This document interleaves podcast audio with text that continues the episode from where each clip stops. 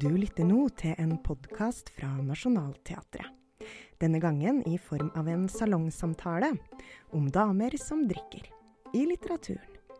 Med utspring i forestillinga Full spredning, som er dramatisert av Tyra Tønnesen etter Nina Lykkes roman med samme navn. Du møter selvfølgelig Nina Lykke sjøl, i tillegg til forfatter Vigdis Hjort og klinisk psykolog Akaya Ottesen. Samtalen ledes av journalist Ida Palin Bostad Løkken. God fornøyelse.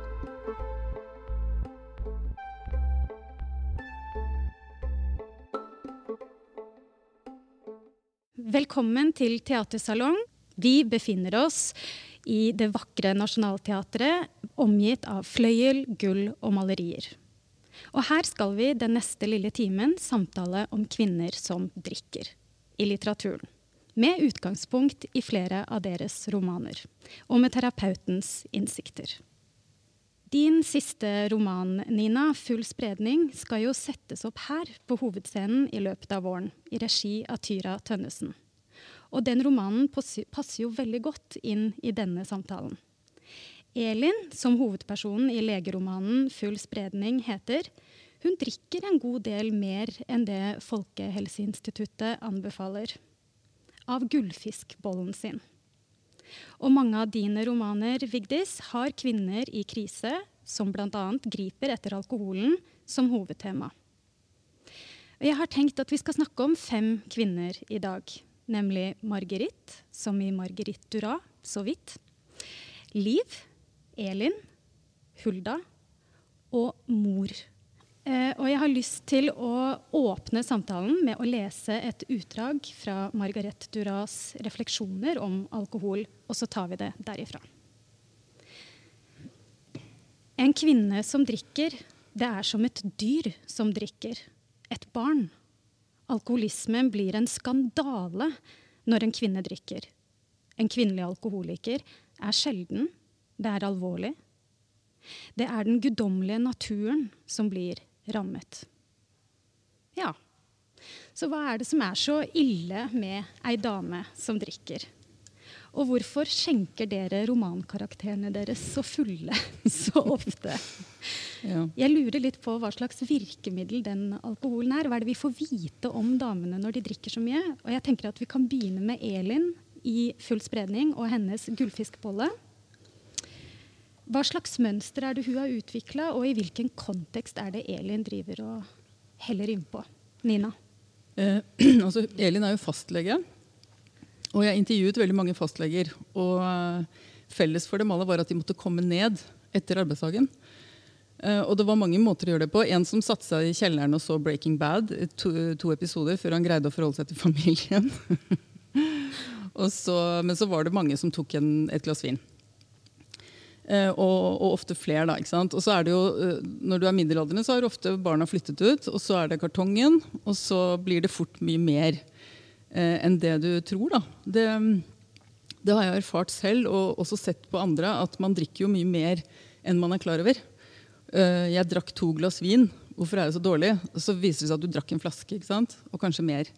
Det har kanskje noe med den gull, gullfiskbollen Det er et raust det. Ja, det er det. Og det er jo også litt morsomt, fordi eh, jeg, jeg, noen i familien har sånne svære glass, og de sier ja, men jeg drakk jo bare et glass. Og så er det fire desiliter. ikke sant? Og det, det, tenkte jeg på da når jeg så for meg Elin og gullfiskbollen. Ja, så Hun utvikler etter hvert et uh, drikkemønster der altså hun drikker uh, bare mer og mer. Jeg husker det er et eller annet sted der det står at hun kjøper den dyreste kartongen Chablis på polet. Det er en sånn pen ja. kartong med et sånt bronseemblem på. Ja, ja. ja det er jo, jeg har jo selv uh, tenkt at disse grønne flaskene med sånn Riesling og sånn, du kan ikke bli alkis av det. For de er jo så pene. Ja, det er de, duggfriskt. Det er så godt, og det er så fint alt sammen. ikke sant? Så eh, jeg tenker liksom at dette er en sånn vestkantmåte å drikke på. da, ikke sant? Veldig langt fra sånn en halvflaske 60 på polet og sånn.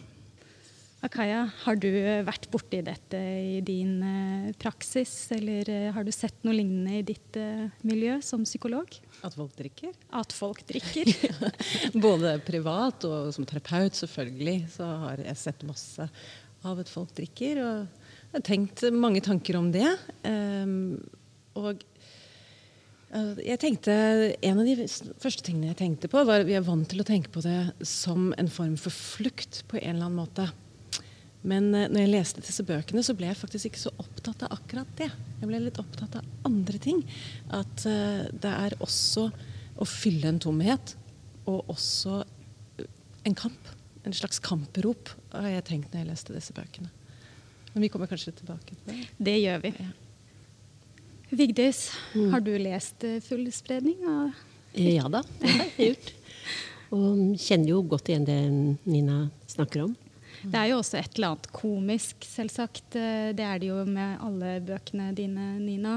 At det er noe tragisk og komisk. Eh, hva er det hun sier? At hun går mellom sofaen og kjøleskapet med gullfiskbollen sin. Det er noe veldig trist over det. Jeg kjenner meg veldig igjen. Jeg, jeg syns ikke det er så trist. det er veldig vanlig. Det er Helt vanlig.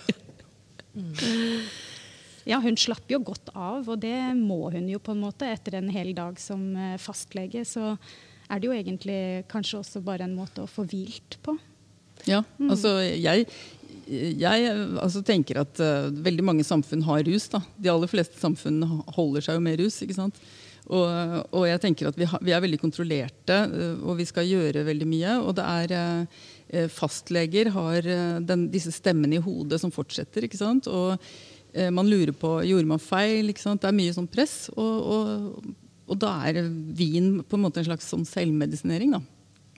Ikke sant? Som er sosialt godtatt. Og man kan gå på polet og få masse god hjelp av sånne dannede mennesker. og Alt er liksom veldig fint. Så det skriver ja, jeg også om i boka. Flinke. Ja, ikke sant? Du føler at du gjør noe, noe, ordentlig godt når du går inn der. ikke sant? Fordi alle er liksom med på den leken. da. Hva passer til det? Og jo, da burde du ta den. Og, ikke sant? Ja. Jeg tenkte på noe i forhold til det du sa også med han med 'Breaking Bad'. fordi Da tar du opp noe annet enn bare alkohol, men du tar jo også dette med TV-serier. og at man lever et liv hvor man er så overbelastet. Ja. Og så aksepterer man det. Og så finner man en eller annen metode til å komme ned. Istedenfor å tenke at dette livet kan ikke være sånn. Jeg kan ikke være så overbelastet. Ja. Sånn at Det blir veldig mye fokus på individet og ikke konteksten. Selv om det også er veldig mye om det i boka, om konteksten, så er det individet som bærer det. da. Mm. Endrer ikke det ytre. Men i klassikeren 'Tre søstre' av Tsjekhov så er jo altså det er et fantastisk stykke. altså Jeg kan høre på det sånn NRK om igjen og om igjen. og om igjen. Men der er jo legen, som er en veldig sentral person, han er jo alkoholikeren. ikke sant? Som er tørrlagt, og så begynner han å drikke. Og er, eksisterer vi egentlig? Altså den, det, så, så, det er nok ikke bare kanskje altså konteksten vårt samfunn men det er det å eksistere som menneske er jo sårbart og smertefullt og belastende i seg selv. Mm. Så det er på en måte Jeg tenker på det å drikke som, som Eller ruse seg som noe eksistensielt, på en måte. da. Og Maria Kjos Fond skriver i um, 'Heroin Check' uh, at altså, å avstå fra det som gjør deg Som på sekunder forandrer deg fra forferdelig til fantastisk. Det krever noe å skulle avstå fra det og hvorfor. Ja, hvorfor? Ja, ja, ja, ikke sant? Hvis man behersker det. Så jeg Det virker, kan godt hende at jeg må drive forsvarstalen for å alkohol her. Men at det, er, at det også kan være noe at det også er avslørende for meg. da, ikke sant? At Hvordan jeg finner stadig vekk veldig gode og dype argumenter for at jeg kan fortsette å drikke på den måten jeg gjør, som åpenbart er helseskadelig, og sikkert også psykisk eh, skadelig. Men det er jo da mm, kanskje min livsløgn, da. Du gir meg en veldig fin overgang til um, noe jeg har lyst til at du skal lese fra Hva er det med mor? Det er nemlig i denne romanen så har vi en karakter som gjør nettopp det. Hun skriver forsvarstaler.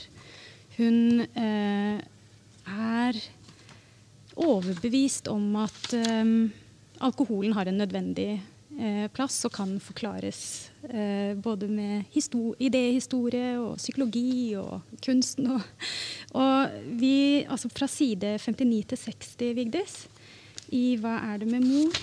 Ja. Må det være sånn? Ja, sånn. Uten kaos ingen kunnskap, sa filosofen Kunstens oppgave er ikke å bringe orden i kaos, men kaos i orden. Jo da, det er hun god til. Ingenting sikkert. Det eneste sikre er kaos, sier hun. Om det ikke er kaos, skal det oppsøkes. Ikke trygghet, ikke høflighet, ikke konvensjoner, tradisjoner, skikk og bruk hos dem som mener det er best at tingene er som de er. De som forsvarer det som er og vil at det skal vare. Som vet hva de har, ikke hva de får, og som tror forandring er farlig, som er redde for det formløse. Den angsten som tvinger menneskene inn i tradisjonen, kan ikke forlikes med kunsten. Konvensjon er stillstand, død. Når kunstverket er ferdig, når det står der i sin gru, oppstår møtet. Kanskje. Kunstverket behager, kanskje, men prosessen, nervene fyll av faenskapen, vil ingen ha noe med å gjøre. Skål, sier hun. Menneskene har alltid ruset seg, sier hun. Overalt og alltid, sier hun. De gamle grekerne diskuterte politiske spørsmål og tok beslutninger først når de var fulle, og etterpå i edru tilstand, og holdt de forskjellige standpunktene opp mot hverandre. Menneskets nattside like viktig som dagsiden, mente de, fordi den fornuften som kalles fornuftig, hadde ført til så mye brutalitet og elendighet. Og nattsidestandpunktet vant ikke sjelden, bare så det er sagt, sier hun. Når vi ruser oss, går vi i oppløsning, ut av vårt gode skinn og opp i noe annet, noe større. Det er nødvendig. Se på de normale og den faenskapen de steller til, tar beslutninger og går til krig i edru tilstand. Lytt til nattsidefornuften. Jeg holder en knapp på den. Hun løfter glasset. Den som ikke blir full, som ikke tør å bli full, er ikke til å stole på. Ja, jeg er overbevist, jeg. Vi må ikke glemme at Hitler var avholdsmann. nei, Men det er klart at uh, i et, et mor-barn-perspektiv så er det jo så er det jo ikke bra. Altså, for jeg tenker på at eh, jeg, jeg kan godt forsvare drikking min sånn når jeg har voksne barn og sånn, men, eh, men, eh, men små barn å oppleve berusa og fulle foreldre er jo veldig veldig utrygt og, og farlig og skadelig. Um, så jeg, syns jo denne moren her tar litt Hun gjør det litt lett for seg selv. Det må jeg innrømme. Men man må jo begynne å drikke mens barna er veldig små, sånn at de blir vant til å se deg full. ja, ja da. Men, men, eh, jeg har gjort Jeg personlig har gjort dumme ting når jeg har vært full som jeg angrer veldig på, og som barna ikke glemmer. Ja. Og det er ikke noe altså det, De har mye på meg, altså. Og, så jeg tenker sånn at det er, det er ikke sånn metoo-saken. Hvis alt det kommer fram, så blir bøkene mine no. No reading. Da blir du kansellert. Kan vi elske Vigdis Hjort? ja.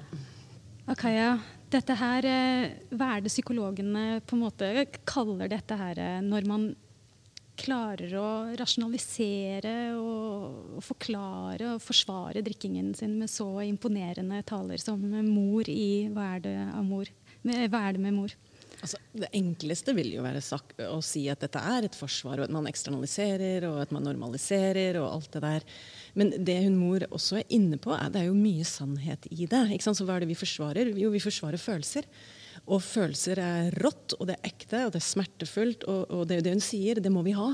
Og det må bli kaos. Når jeg viser meg fram mine følelser, så kommer dette til å bli kaos. Og det må folk tåle. Og de som ikke tåler det, de er ja, som du, fint det med balanse, og balanse er død. I homeostase, da er det jo slutt, da, hvis alt er i balanse. Og med mor så tenker jeg det, det, det er en opposisjon, og det er, det er, der jeg tenkte mest på dette med kamprop. At hun sier 'det er mitt liv', hun sier det mange ganger i boka. Det er meg. Det, jeg er alkoholiker, det er ikke deg. Så selv om det gjør vondt for dette barnet, så, så, er hun veldig tydelig på dette er min kropp. Jeg gjør hva jeg vil med min kropp. Hvis jeg vil være sint, hvis jeg vil drikke. Hun eier seg selv, og hun tar det tilbake fra noen. Og det er jo det som er spennende. Hvem hun tar det tilbake på, fra? Jo, de som sa hvordan hun egentlig skulle være. Hun skulle i hvert fall ikke drikke. Ikke som mor. Ja. Og så tror jeg også at det er én ting som er formildende. Og det er jo at hun, hun ikke krever det som er nok veldig vanlig, at dette skal du ikke snakke om. Dette, mm. Du skal være med på å bevare den hemmeligheten. Uh, og da må jeg også si at jeg som mor faktisk også har gjort det. Du må snakke snakk gjerne med læreren din mm. hvis dette er problematisk. Og det er jo at, at det, at det ikke skal være hemmelig og skamfullt på den, på den måten. da. Um, og så det er vel, i, i, den romanen så vidt jeg husker, så er det jo noe med at det, det finnes en form for beherskelse i, i møte med stoffet. da. Uh, og det er kanskje uh, og det, Jeg vet ikke hvor vanlig det er, men det er jo en del mennesker som på, e, på et eller annet vis behersker mm. Mm. Det, det, de ruser seg på. Apropos det som sto i Morgenbladet forleden om denne professoren mm. som brukte heroin eller ja. Ja, hva det var, til helgen og sånn. Slik at det der å nyansere forholdet til en del um, Vår forståelse av enkelte stoffer er sikkert, er, har sikkert noe for seg. Mm. Ikke sant? Ja, jeg, jeg syns den store forskjellen er den der hvor barna, hvor, hvor den som drikker, er veldig åpen med, om det og at, barna, at, at, det nettopp snakkes veldig mye om. Og, og, Så barna slipper den jobben med å sitte og, og snakke om det. Så, det. så, sier folk hva? Nei, men dette er ikke noe problem. Så blir det barnets problem. ikke sant? Det er den store forskjellen. Mm. Mm.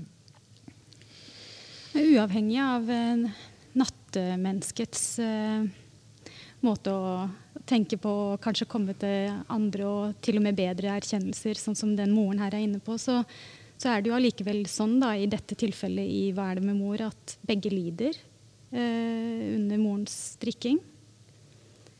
Så når eh, moren sier sånn Det er ikke Husk at jeg ikke er deg. Si det til alle. Mora mi drikker. ikke sånn? Så sitter jo også da kanskje barnet litt sånn fratatt muligheten til å si eh, og så, men jeg liker det allikevel ikke. Mm. Det er noe veldig dominerende med den måten å, å liksom i hvert fall performativt, da, ta, barnet, eh, ta skammen fra barnet. Som om da problemet er løst. Mm. Mm. Det er jo umodent, ikke sant? Altså, det er jo noe jeg på en måte kan sympatisere med henne og kjenne meg igjen i henne, og sånn, men det er jo også Nettopp som du sier, da, at, at, barnet blir fratatt den protesterende stemmen. ikke sant? Fordi moren kommer henne i forkjøpet. Eh, eh, ikke sant? Og har argumentene på sin side. Og det for et barn å skulle liksom argumentere mot ikke sant? blir jo nesten umulig. fordi moren er jo overlegen intellektuelt og, og, har jo brukt masse energi på dette forsvaret. ikke sant? Og har hele litteraturhistorien og eh, greske filosofene på sin side. ikke sant? Så det er vanskelig for et barn å liksom stille, stille noe opp mot det. ikke sant? Men jeg kan jo håpe at dette barnet jo allikevel har en altså både høre på argumentene, som jo har noe for seg, og som kan kjenne på sin egen, men også fornemmer at det ligger en smerte bak. Og det, hvis ikke jeg husker feil, så tror jeg at, at det er at hun, at hun liksom bak dette ser at mor egentlig har det vondt, da, på et eller annet vis. Mm. Men som sagt, jeg har ikke orket å lese den om igjen. Det er mye kjærlighet til mor, da, ja, denne datteren. Ja, ja. Veldig mye kjærlighet til mor. Og, og, det tenker mor nærer henne jo. Og veileder henne ganske mye i en vanskelig verden, på ett vis. Men beskytter henne ikke mot det vonde som kommer. Og det, det er også noe, det blir en sånn radikal aksept av hva som er. da. Hun må bare akseptere dette barnet fra veldig tidlig. Men det, det er ikke sikkert det er så dumt heller. Alltid. Nei, Nei det, vi, vi, jeg blir spent på hvordan det har gått med dem. ja. ja. Nina, i eh, din roman 'Oppløsningstendenser', som du ga ut før 'Full spredning' og 'Nei atter nei', så treffer vi også på ei dame som drikker. Og den gangen så handler det om Liv. Og hun bor i en kjellerleilighet på Sagene etter å ha blitt etter å ha gått personlig konkurs. Eh, og det igjen etter en heseblesende affære med en manisk bjørn. Han har fått diagnose, og hun får regninger. Um, jeg syns det var morsomt det at det var helt åpenbart uh, I Liv sin familie så var det veldig stort nederlag å ende opp på Sagene.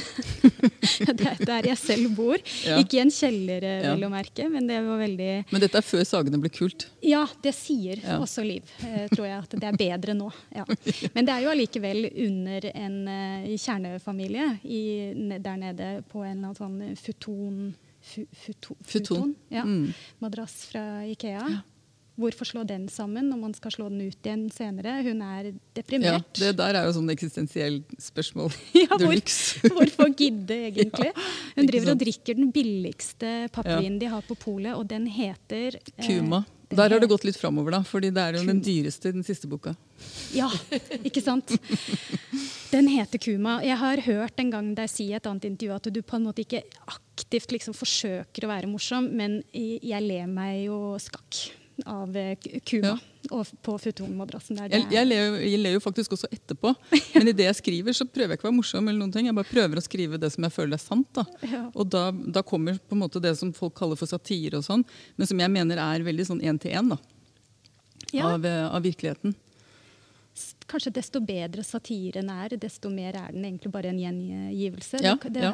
handler bare mer om eh, hva man peker på. Ja, det er akkurat det.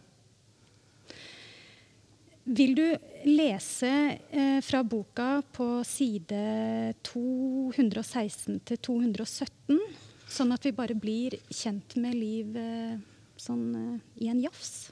Ja. ja. Men sli, han, jeg tror hun er hjemme hos faren sin her, og så stjeler hun penger av han eller noe sånt. Men slik jeg var for full og sliten til å få noen, noe sammenbrudd der oppe i leiligheten, er jeg for full og sliten til å la meg sjokkere av dette nå. Ja vel, tenker jeg, stapper pengene tilbake i lommen og går videre. Det de fleste gjør som tenåringer, det har jeg gjort som middelaldrende. Og hva så? Gjort er gjort. Klokken er ni, det er ennå lyst, og til tross for at det er søndag, er det fortauskafeene fulle. Og jeg kan jo sette meg ned der nå, kan sette meg ned og bestille hva jeg vil, men jeg greier ikke å bestemme meg for hvor, og går videre, over rundkjøringen og videre ned Pilestredet. På et hjørne reklamerer en kinarestaurant med øl til 48 kroner, og like etter sitter jeg ved et bord inne i det mørke og julepyntaktige lokalet, der jeg er eneste gjest, med en øl foran meg og noen vårruller på vei. En tynn og skremt liten jente serverer. Hun snakker ikke norsk, og engelsken hennes er så gebrokken at det like gjerne kunne vært kinesisk. Sjefen i restauranten, en eldre mann, står i hjørnet og følger alle jentas bevegelser. Hver gang jeg ser på han, gjør han en grimase som skal være et smil, men som ligner mer på et grin. Når han snakker til jenta, snakker han ut av munnviken og ser ikke på henne. Jeg bestiller en øl til, for drikkelysten min er en gal hest som jeg bare lar løpe. Og før jeg vet ordet av det, står jeg ute på gaten igjen, og nå er jeg virkelig full. Nei, jeg er ikke full. Se, jeg kan gå helt rett bortover gaten. Tankene mine henger sammen. Hvis noen stoppet og spurte meg om noe, ville jeg kunne svare dem uten å snøvle. Svarene på alle potensielle spørsmål ligger klar oppi hodet. Hvorfor går du her? Fordi jeg skal hjem. Du går feil vei. Nei, for jeg skal innom byen først. Hvorfor drikker du alltid så mye? Jeg drikker ikke mye. Jeg drikker på den kontinentale måten. Jeg drikker litt hver dag. Litt? Ja, litt. Jeg har ikke drukket mye nå. I forhold til dem jeg nettopp gikk forbi, den gjengen med røde neser som satt der på den fortauskafeen og ropte etter meg, har jeg ikke drukket mye. Men den gjengen er heltidsfylliker. Du kan ikke sammenligne deg med dem. Samme hvor mye du drikker, vil det alltid være noen du drikker mindre enn. For første gang overveier jeg å gå tilbake og sette meg ned sammen med fyllikene. For ennå finnes det små flekker i denne byen der jeg har et overtak. Men jeg går videre. Hvorfor har du alltid så lyst til å bli full? Fordi det finnes ikke håp, og det kan jeg bare innse når jeg er full. Og dette igjen, at jeg bare kan se håpløsheten i hvitøyet når jeg er full, det kan jeg også bare innrømme helt åpent når jeg er full. Bare sånn apropos. Dette her eh, blir eh, formulert på mange ulike måter i alle de romanene vi snakker om i dag. Akaya, dette her med å kun tåle eh, smerten, den eksistensielle smerten, som hva, heter det, hva heter det? Altså er med på livet som er en del av livet. Og, kun, og i tillegg da har gått konkurs og bor i en kjellerleilighet på Sagene. Så hun har jo virkelig hun er i en utrolig vanskelig livssituasjon. Nettopp stjålet penger av en uh, far som hun har et anstrengt forhold til, osv. Det, det kan nesten sammenlignes med å ta bedøvelse før man skal uh, ta en operasjon. Altså at man kun kan ta disse tingene innover seg som full. Mm kan, jeg tenker bare, Hva ville ha skjedd med denne Liv om hun hadde tatt det innover seg edru der nede i den kjellerleiligheten? Kanskje hun bare hadde liksom knekt i to? Det er ikke sikkert hun hadde klart å ta det inn over seg edru. Fordi et forsvaret er så sterkt. Hun har jo bygd seg opp et forsvar gjennom et langt liv. Det høres litt ut som hun drikker for å få forsvaret ned. For å tillate følelsen å komme til overflaten. Og det kan vi jo kjenne igjen mange av oss. At man har lyst til å grine, man er sint, man har lyst til å, å vise følelser. Og så har vi et forsvar som motstand som er inni oss, egentlig. Man kunne jo gjort det, men vi er så opplært til å ikke gjøre det, da. Eh, så det høres ut som hun må drikke for i det hele tatt slippe det løs. Men det som er interessant, det, dette gjør man jo også delvis i terapi. At man har begynt å for bruke MDMA eh, for å hjelpe folk med å frigjøre traumeopplevelser. Fordi man får det ikke til i eh, vanlig edru tilstand. Man, nei, det er for sterkt forsvar. Vi er gode på det, altså. Mm. Det, det tenker jeg på. Og hvis det hadde kommet fram Nei, det hadde ikke kommet fram uten at hun drakk. Men det som kunne vært fint, var hvis noen var der når det kom fram. Og at hun fikk da en, ble, ble, en veiledning i det, og ikke bare et veldig ensomt, håpløst prosjekt for akkurat henne. da. Ja. Men jeg, jeg, tenker at altså, I Livs tilfelle så er det at hun drikker for at det skal være noe som er hyggelig og behagelig. Mm. At hun drikker for å få det bedre der og da. Fordi at det er såpass uh, mye som har skjedd, og hun, nå vil hun bare ha litt fri. Tenk. det var i hvert fall sånn jeg tenkte da jeg skrev om henne. da. Uh, sånn, at hun demper den derre um, hjelp hvorfor, hva jeg har gjort og alt det der. ikke sant? Mm. Og det, ja. Fordi det er jo en sånn dør i lufta, som jeg skriver jeg tror i full spredning, en dør i lufta hvor du kan gå gjennom på, og på ti minutter eller, eller mindre være godt humør. Mm. Ikke sant? Mm. Ja, men jeg tenker at det er, at det liksom er, at det er begge, begge, deler. Altså, Margaret Raas sier jo at, altså at jeg, altså når hun drikker, at jeg har trukket meg tilbake fra verden jeg er umulig å nå. Ikke sant? Og så sier hun et annet sted at jeg er der hvor lidelsen er forhindret i å få meg til å lide. Så det er jo et, et frikvarter fra lidelsen og det vanskelige sånn. Men samtidig så er det veldig interessant eh, fordi i hvert fall jeg som ung jeg var veldig, eh, veldig redd for å begynne å drikke. Det akkurat som det hadde en dragning til meg, at jeg forsto at dette var et stoff som var kunne få makt over meg. Så jeg, et, så jeg, fikk veldig fort et ambivalent forhold til det. Men det som skjedde, de, disse rare handlingene altså han bare kommer igjen, igjen til Sverre Bjertnæs, som i den samtalen om, om, om, boka hans som heter da om, om uh, kunst og alkoholisme. Um, så sier han liksom, jeg forandret helt personlighet. Jeg ble liksom en annen. Og så spurte jeg da, som var samtaleleder, om ja, ble det en helt annen Eller det no, er det noe sant i det, da? For i hvert fall jeg som ung som, som drakk og kjente da opphøyt at det var, det var noe enormt. Det, liksom, løftet meg, Jeg så jo at det løftet meg mye høyere enn det løftet mine venninner.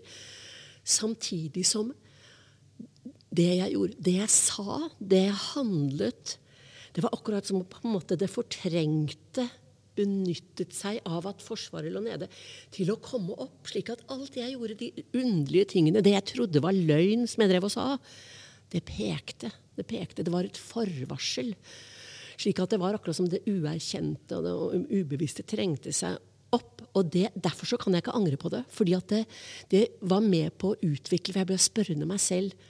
Hva faen, hva er dette? Hvorfor peker det? Så jeg utviklet en form for sånn erkjennelsesverktøy som har vært helt uvurderlig for meg i, i livet. Da. Så disse første, første altså man, skal ta seg selv alvorlig hva du gjør og sier når du er drita. Mm.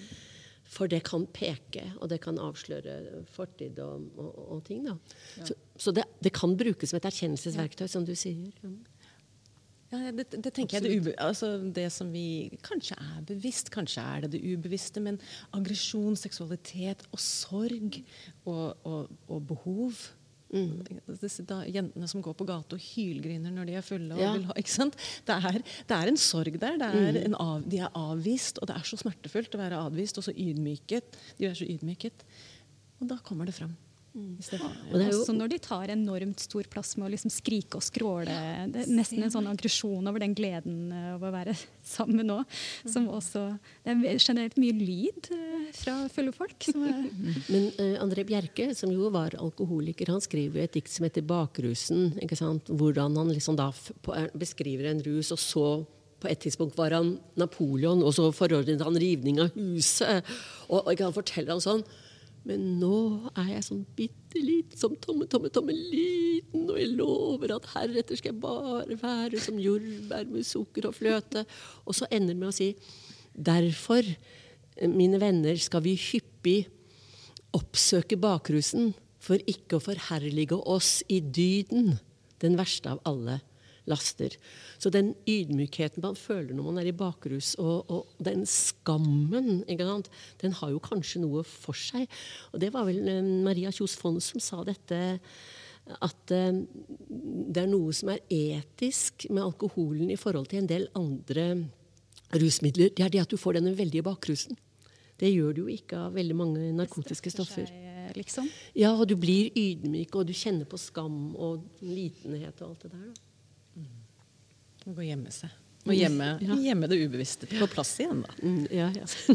Vi snakket jo litt om det Kaja, en annen gang, det der med at man må på en måte tørre å Eller forsøke å integrere, eh, hvis den har vært manisk, da, inn i en eller annen sånn større fortelling om seg sjøl eller en idé om seg sjøl. Og litt sånn er det vel kanskje også med fylla, da. Altså, uh, som oftest så vil man jo skyve den fyllekula så langt unna som mulig, nettopp fordi det er, det, det, er skammens uh, liksom verktøy. er bare mm. legge lokk på det. Men å nettopp gjøre kanskje dette, da, og undersøke hva var det jeg sa i går? Hva er det jeg holdt på med? Hvor kan det komme fra? Akseptere at det er der, at det ligger i deg. Det er ikke, ikke Istedenfor å si 'nei, det var ikke meg'. Mm. Jo, det er en del av deg. Det er jo det. Ellers ja, det oppstår ikke noe nytt. ja, men det er en del av deg du absolutt ikke vil erkjenne kanskje noen ganger. Og, ja, og gå inn i det. Mm. Mm. Um, Vigdis, du skriver uh, et sted i tredje person entall på side 235 eh, veldig godt om de her ubevisste drivkreftene bak eh, drikkinga, og litt om det vi nå sitter og snakker om. Altså at det kan være like gjerne bakrusen som fylla i seg sjøl som kan være litt av grunnen til at en drikker. Når hun drikker, blir hun full, som om hun vil bli borte, forsvinne til tross for den angsten hun kjenner etterpå. Eller er det den hun vil kjenne? Alkoholen løfter henne til større høyder enn den løfter andre, hun har et særlig behov for å bli løftet, gå inn i en annen tilstand, forsvinne eller oppsøke.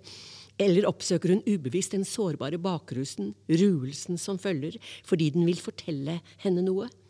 For å få kontakt med smerten, det sanne selvet, hente seg selv ned fra de suverene luftlag der hun ellers oppholder seg, strever etter å forbli i.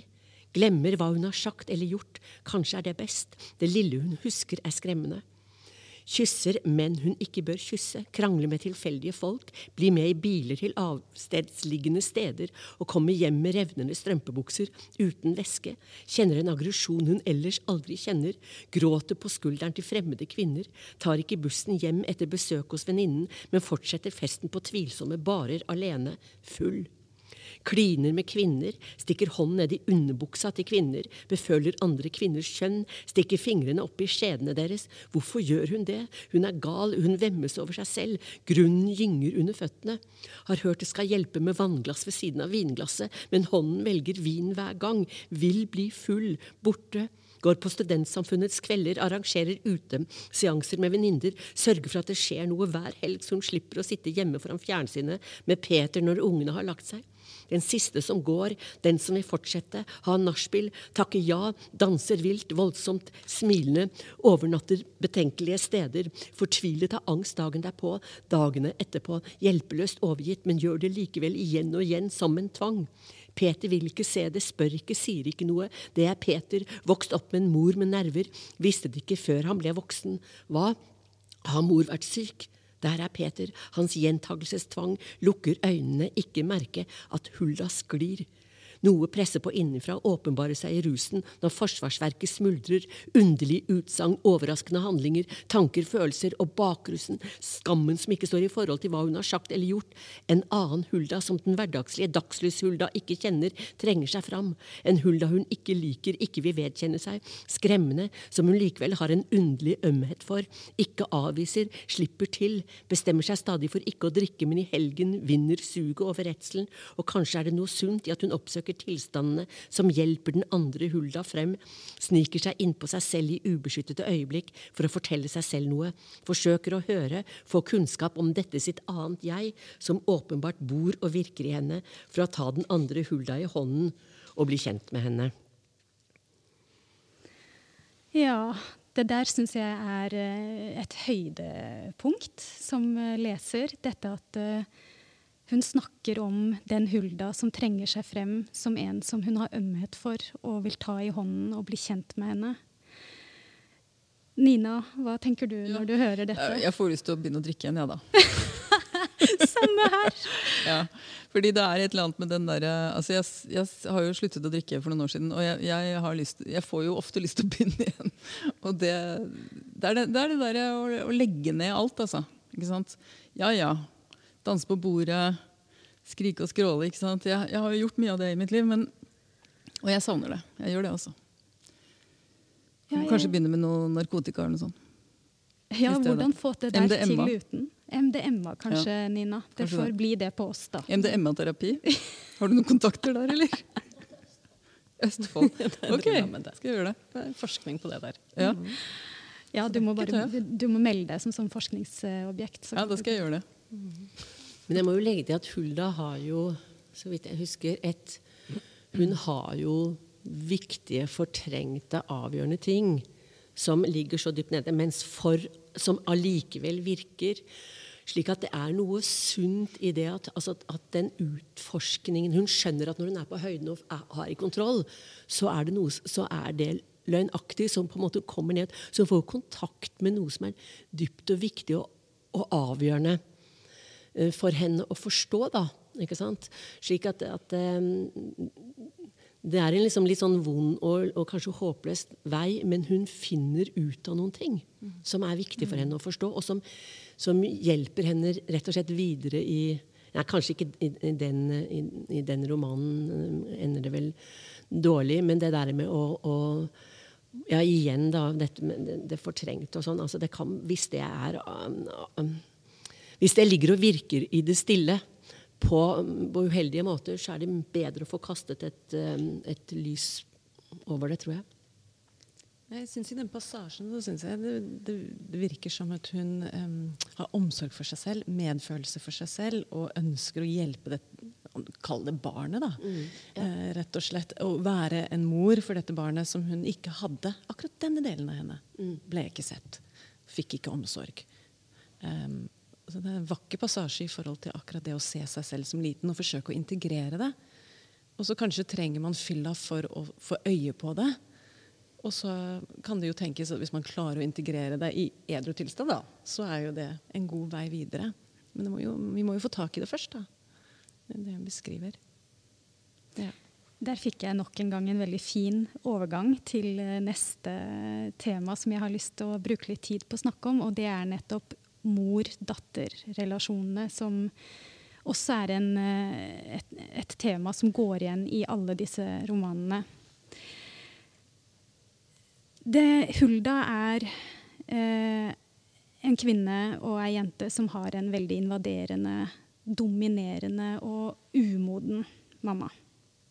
Som bruker Hulda som søppelbøtte, står det et sted. Som tømmer seg på henne og gråter og klorer seg fast og biter seg fast i, i henne.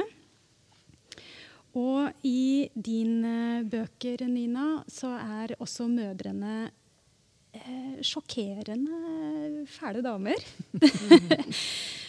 det har gjort dypt eh, inntrykk å lese dine bøker, mye pga. det, for min del egentlig. At eh, i oppløsningstendenser så er moren Hva skal en si? Eh, hun fremmer alltid en eller annen sånn kjærlighetsgjeld til datteren. At hun ikke har ringt eh, før når hun først ringer. At hun ikke har kommet før når hun først kommer på besøk. Det, hun oppfører seg utrolig avvisende overfor henne. Hun er litt morsom òg, da. Når de eiendomsmeglerne kommer og sånn. Så lenge du slipper å være datteren hennes, så er hun en ganske ja. underholdende dame, ja. Eh, og moren i full spredning eh, etterlot eh, Elin aleine fra hun var veldig liten. Og der måtte hun klare seg selv i leiligheten i Oscars gate. Ja, mer eller mindre. Mm. Og så er det hva er det med mor? Der har vi jo en mor som også som vi har vært inne på, eh, hun drikker mye. Hun våkner om natta og sover om dagen, og det gjør ikke noe. så jeg tenker bare Akaya, få høre litt mer. Hva er det du har tenkt om relasjonen mor og datter, og så da relasjonen til alkohol? Hvordan henger disse tingene sammen? Er jo ikke noe enkelt svar på det. Men nå vil vi høre. Men, og de er veldig forskjellige, de historiene. Og de mødrene er veldig forskjellige. så jeg tenkte forskjellige ting, Men jeg, når jeg leste den, den full spredning, så ble jeg opptatt av den voldsomme neglekta som hun hadde vært utsatt for. tenker jeg, Eller vi kan kalle det neglekta. ikke sant? Ja, I nåtiden, så, Med nåtidens øyne så er det jo det. Ja, for med mm. nåtidens øyne. Eh, og, eh, og, at det kan, ikke nødvendigvis her, men det kan gi en ekstremt tomrom. da. Eh, no, at man ikke har fått fylt på det man har hatt behov for som barn. Ikke fått den veiledningen. Det er en psykolog som heter Kelly McDaniel, som snakker om noe som heter mother hunger. Og at voksne kvinner har en sånn lengsel og sult i forbindelse med mødrene sine. Så jeg, og I dette tilfellet mor og datter. Det er klart Fedre har også en viktig rolle her, og sønner og sånn, men nå snakker vi om mor og datter. Og Det å være den perfekte mor til akkurat den datteren er jo et umulig prosjekt. Selv om det er jo forventet, da. Men det er jo umulig. Um, og um, jeg tenker den derre tomrommet Alkoholen kan komme inn der å fylle et tomrom og fylle mm. noe um, som kanskje var fylt med å bo på grenda at, og, og, ha alle disse menneskene rundt seg. Men det var ikke noe tvil om hva man skulle tenke. Det var mm. ikke noe tvil om hva man skulle gjøre. Det var, det, var, helt faste rammer, og det er veldig trygt. Men hvis det er tomt, og det tryggheten forsvinner, så begynner man å fylle det kanskje med noe annet. Man vet ikke helt hva. Så der tenkte jeg på alkohol, at det kom inn der. Mens, um, mens, i den tredje person entall så tenkte jeg mer det igjen som en sånn kamp også, som begynner med at hun ikke vil spise. Som begynner med at uh, hun skal ta tilbake altså Mamma prøver å gi henne mat, og nei. ikke sant, Det er en kamp um, fra tidlig, fra en vanvittig overkontroll. Da, ikke Hun prøver å kontrollere dette barnet. og um, bestemme hvem dette barnet skal være. Og så virker det som da at barnet ikke vil være det, en kvinne sånn som moren vil at hun skal være. Eh, og til slutt så er hun virkelig ikke det. Så hun kommer jo i mål på en måte. Eh, ja. Og alkoholen er en viktig del av det, men ikke det eneste. Det er mange, mange andre ting som, som, vi kan bruke, men her er det alkohol som er viktig. Da. Hvorfor er mødrene så så fæle i bøkene dine, Nina? det vet jeg ikke helt. Altså det, eh, eh, det, er jo vanskelig å være mor, og det er vanskelig å være datter og sønn og far. og alt som er. Og, men det som fascinerer meg, er hvor, hvor, hvor stor forandringen er fra 70-tallet til nå. Det, det, blir jeg aldri ferdig med å, med å forundre meg over. Og eh, Elin, der er det jo litt sånn Eh, barnearbeid har jeg tenkt på når jeg har tenkt på Elin. ikke sant? Og, og, det vi glemmer med barnearbeid, er jo den utrolige følelsen av å være nyttig. da. Altså Det er jo fælt å si det, for det er klart jeg er ikke for barnearbeid i det hele tatt. Men, men, og ikke barnearbeid på fabrikker og sånn. Men jeg tenker på sånn i det øyeblikket du må passe mindre søsken det, når du er fem, f.eks. Um, og, og er, har en veldig viktig rolle i husholdningen. da, uh, På godt og vondt. Og vi tenker da bare på vondt. ikke sant? Men det er noe der som ikke barna i dag får i det hele tatt. Um, og, det, og det, jeg, det, var det, egentlig, det, var det som var utgangspunktet med å skrive dette. her. Pluss at hun høres jo helt, uh, det høres usannsynlig ut uh, med en sånn skikkelse som mora til Elin. Men på 70-tallet så var det sånn at kvinner som ble kirurger, som moren til Elin er, det er veldig sjeldent. Og da skal du forsere veldig mange hindre. Uh, og da skal du bli en mann, rett og slett. Sånn at det som er kvinne med deg da, som driver og føder og sånn, det skal du bare Hæ? Hva er det for noe? Ikke sant? Så det er, det er henne, da. Og de, sånne fins det der ute. altså. Det gjør det. Det fins gynekologer som ikke vet at de er gravide og sånn. Ja, for det, det, er en uh, sånn samtale mellom uh, Elin og Bjørn. Uh, Elin havner jo inn i et sånt utroskaps, utroskapsdrama med Bjørn. Først så drikker hun, så får hun kontakt med ekskjæresten, så slutter hun å drikke, og så er det Bjørn da som har tatt opp, tar opp det tomrommet. Ja. Og så spør Bjørn Eh, savnet du aldri en normal familie? Og så sier Elin hva er det som er en normal familie? Jeg syns det ser ut som at alle har det helt uutholdelig i de normale familiene. et eller annet, Svarer ja. veldig greit på det. Ja. Uh, men så forteller hun videre det at moren til Elin har, hadde fortalt Elin som liten at hun hadde glemt at hun hadde født henne. Mm. Eh, og da, da tenkte jeg én ting er å glemme at du har født en unge. Det kan sikkert skje fordi man er eh, Altså, med rettelse. Det- Hun ja. hadde ikke glemt det. Sånn, hun, hun skjønte det jo når hun tenkte på det. Men hun var på vakt. ja, ikke sant? Hun, var på jobb. Hun var på jobb. Ja. Og hun var en, på en måte en mann. da. Hun skulle være mer mann enn en mann. Og da kunne hun jo ikke konsentrere seg så mye om det som handler om kvinnelige ting. Det er det, det som er greia. ikke sant? Det er to ulike kategorier hvor i, i rollen som overlege eller Ja. Inni der fødes det ikke barn. Nei. Så da, I mm. hvert fall ikke på 70-tallet. Eh, Jeg syns allikevel at det hørtes vondt ut å bli fortalt den historien. Ja, men Da er det igjen sånn i dag tenker vi det. ikke sant? Men, men, men det er jo en, litt humor i det også. Og det er jo hun moren til Elin klar over. ikke sant? Så det er, det er en slags sånn, der, sånn familiekrønike. Og så, og så ler man av det, og så må man kunne se det utenfra. Uten å alltid gå inn i 'stakkars meg'. ikke sant? Ja, for jeg ble jo helt slått i bakken av hvor fælt jeg syns det var. Ja, så så da altså- er jeg et veldig godt eksempel på barna av min tid. Ja, ja. Mm. Altså, hun, hun var jo spedbarn, hun var nyfødt, ikke sant? og hun led jo ikke noe nød. Det var jo barnepleiere som passet på henne mens mora gjorde seg ferdig på vakten. Altså, det er jo en, selvfølgelig en sinnssyk historie. Det er ikke noe å strebe etter dette her. Men det er, du overlever jo det. ikke sant? Og det, ja, så, ja, men nå, nå må jeg ikke sette i gang, for dette er sånn yndlingstema. Ja, men det er bra, det. Ja. Men, men hun beskrives som en som ikke er ønsket på et Ja da, vis, ja verken da. av far eller mor. Men det var veldig vanlig før i tiden.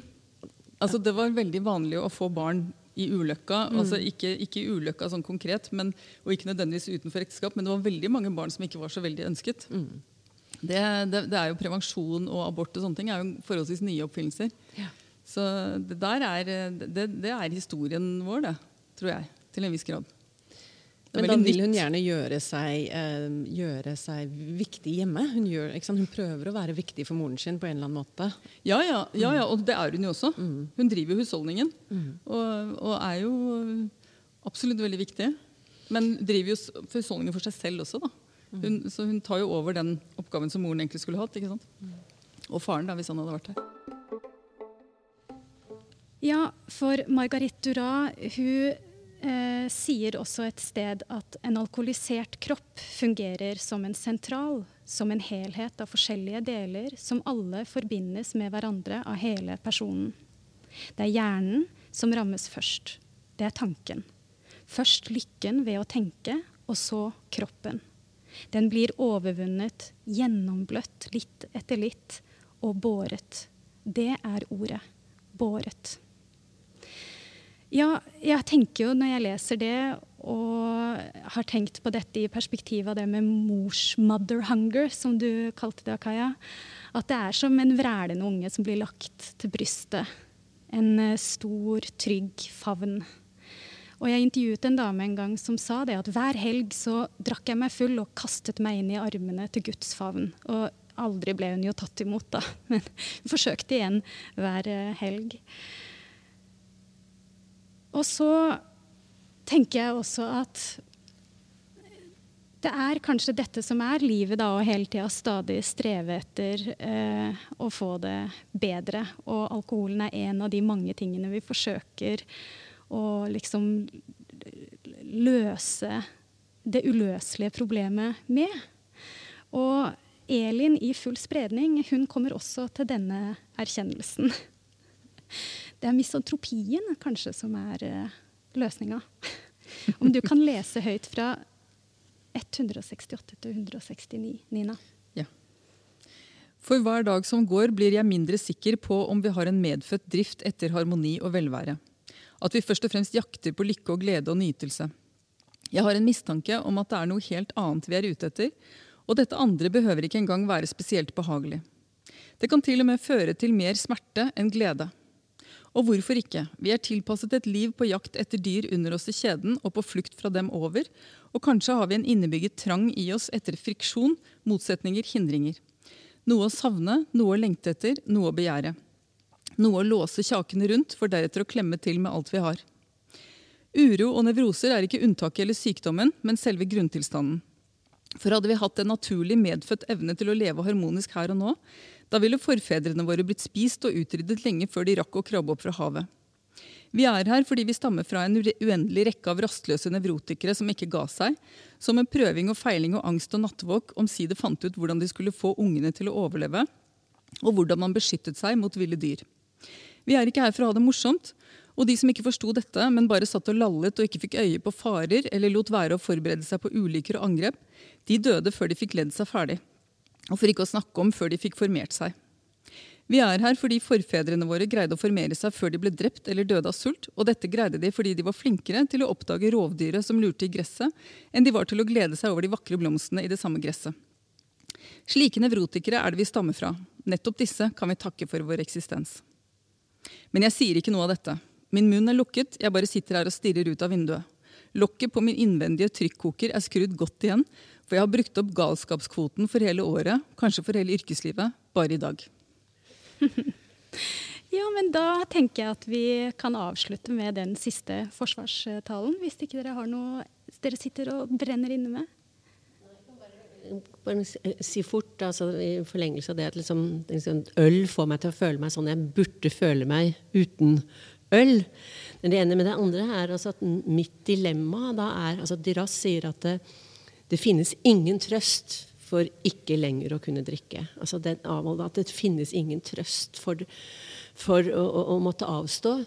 Og det er mitt forsett. Da. Det er det jeg prøver å forsøke. At jeg ikke må drikke så mye at jeg må slutte.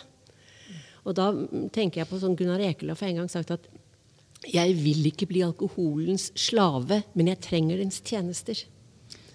Og, og, der er jeg, og da må jeg prøve å ikke komme dit hvor jeg ikke kan benytte meg av de tjenestene fordi jeg har blitt ens slave. da. Og mm. det er en, det er en, en, en kamp, en balansegang. Syns du, hvordan syns du at det er, Akaya? Jeg syns det var en nydelig avslutning. Ja. Men, eh, og i forhold til det du sa også, jeg bare tenkte på nevrotikere, og at eh, ja, vi stammer fra de, og de har um, Uh, hele poenget er ikke bare at vi er urolig og har fantasi om alt det som kan skje, og det bærer oss, men at vi må være frustrert. Vi ja, må være frustrert. Ja, ja. Og hvis ikke vi er frustrert, så lærer vi ingenting. Sånn at um, altså, mitt, Jeg må bare si en ting. Mitt yndlingssitat det er Fran Lebowitz, og, og hun sier There is no such thing as inner peace. There is only nervousness or death. da skåler vi for det. Ja. Skål, skål for det. Ja, kan, kanskje, kan, jeg avslutte med en um, Karen Horney som sier um, The best therapist is life itself. Ja. ja. Yes. Og det hadde i hvert fall ikke blitt bøker hvis vi var happy. Ah, sant. Takk for det. Skål. Skål.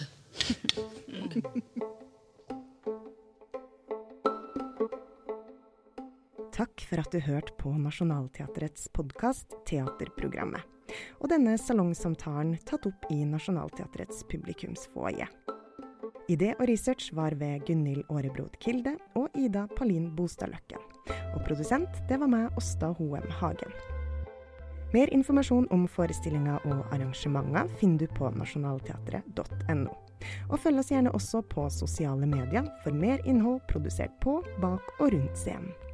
Håper vi ses snart i teatret.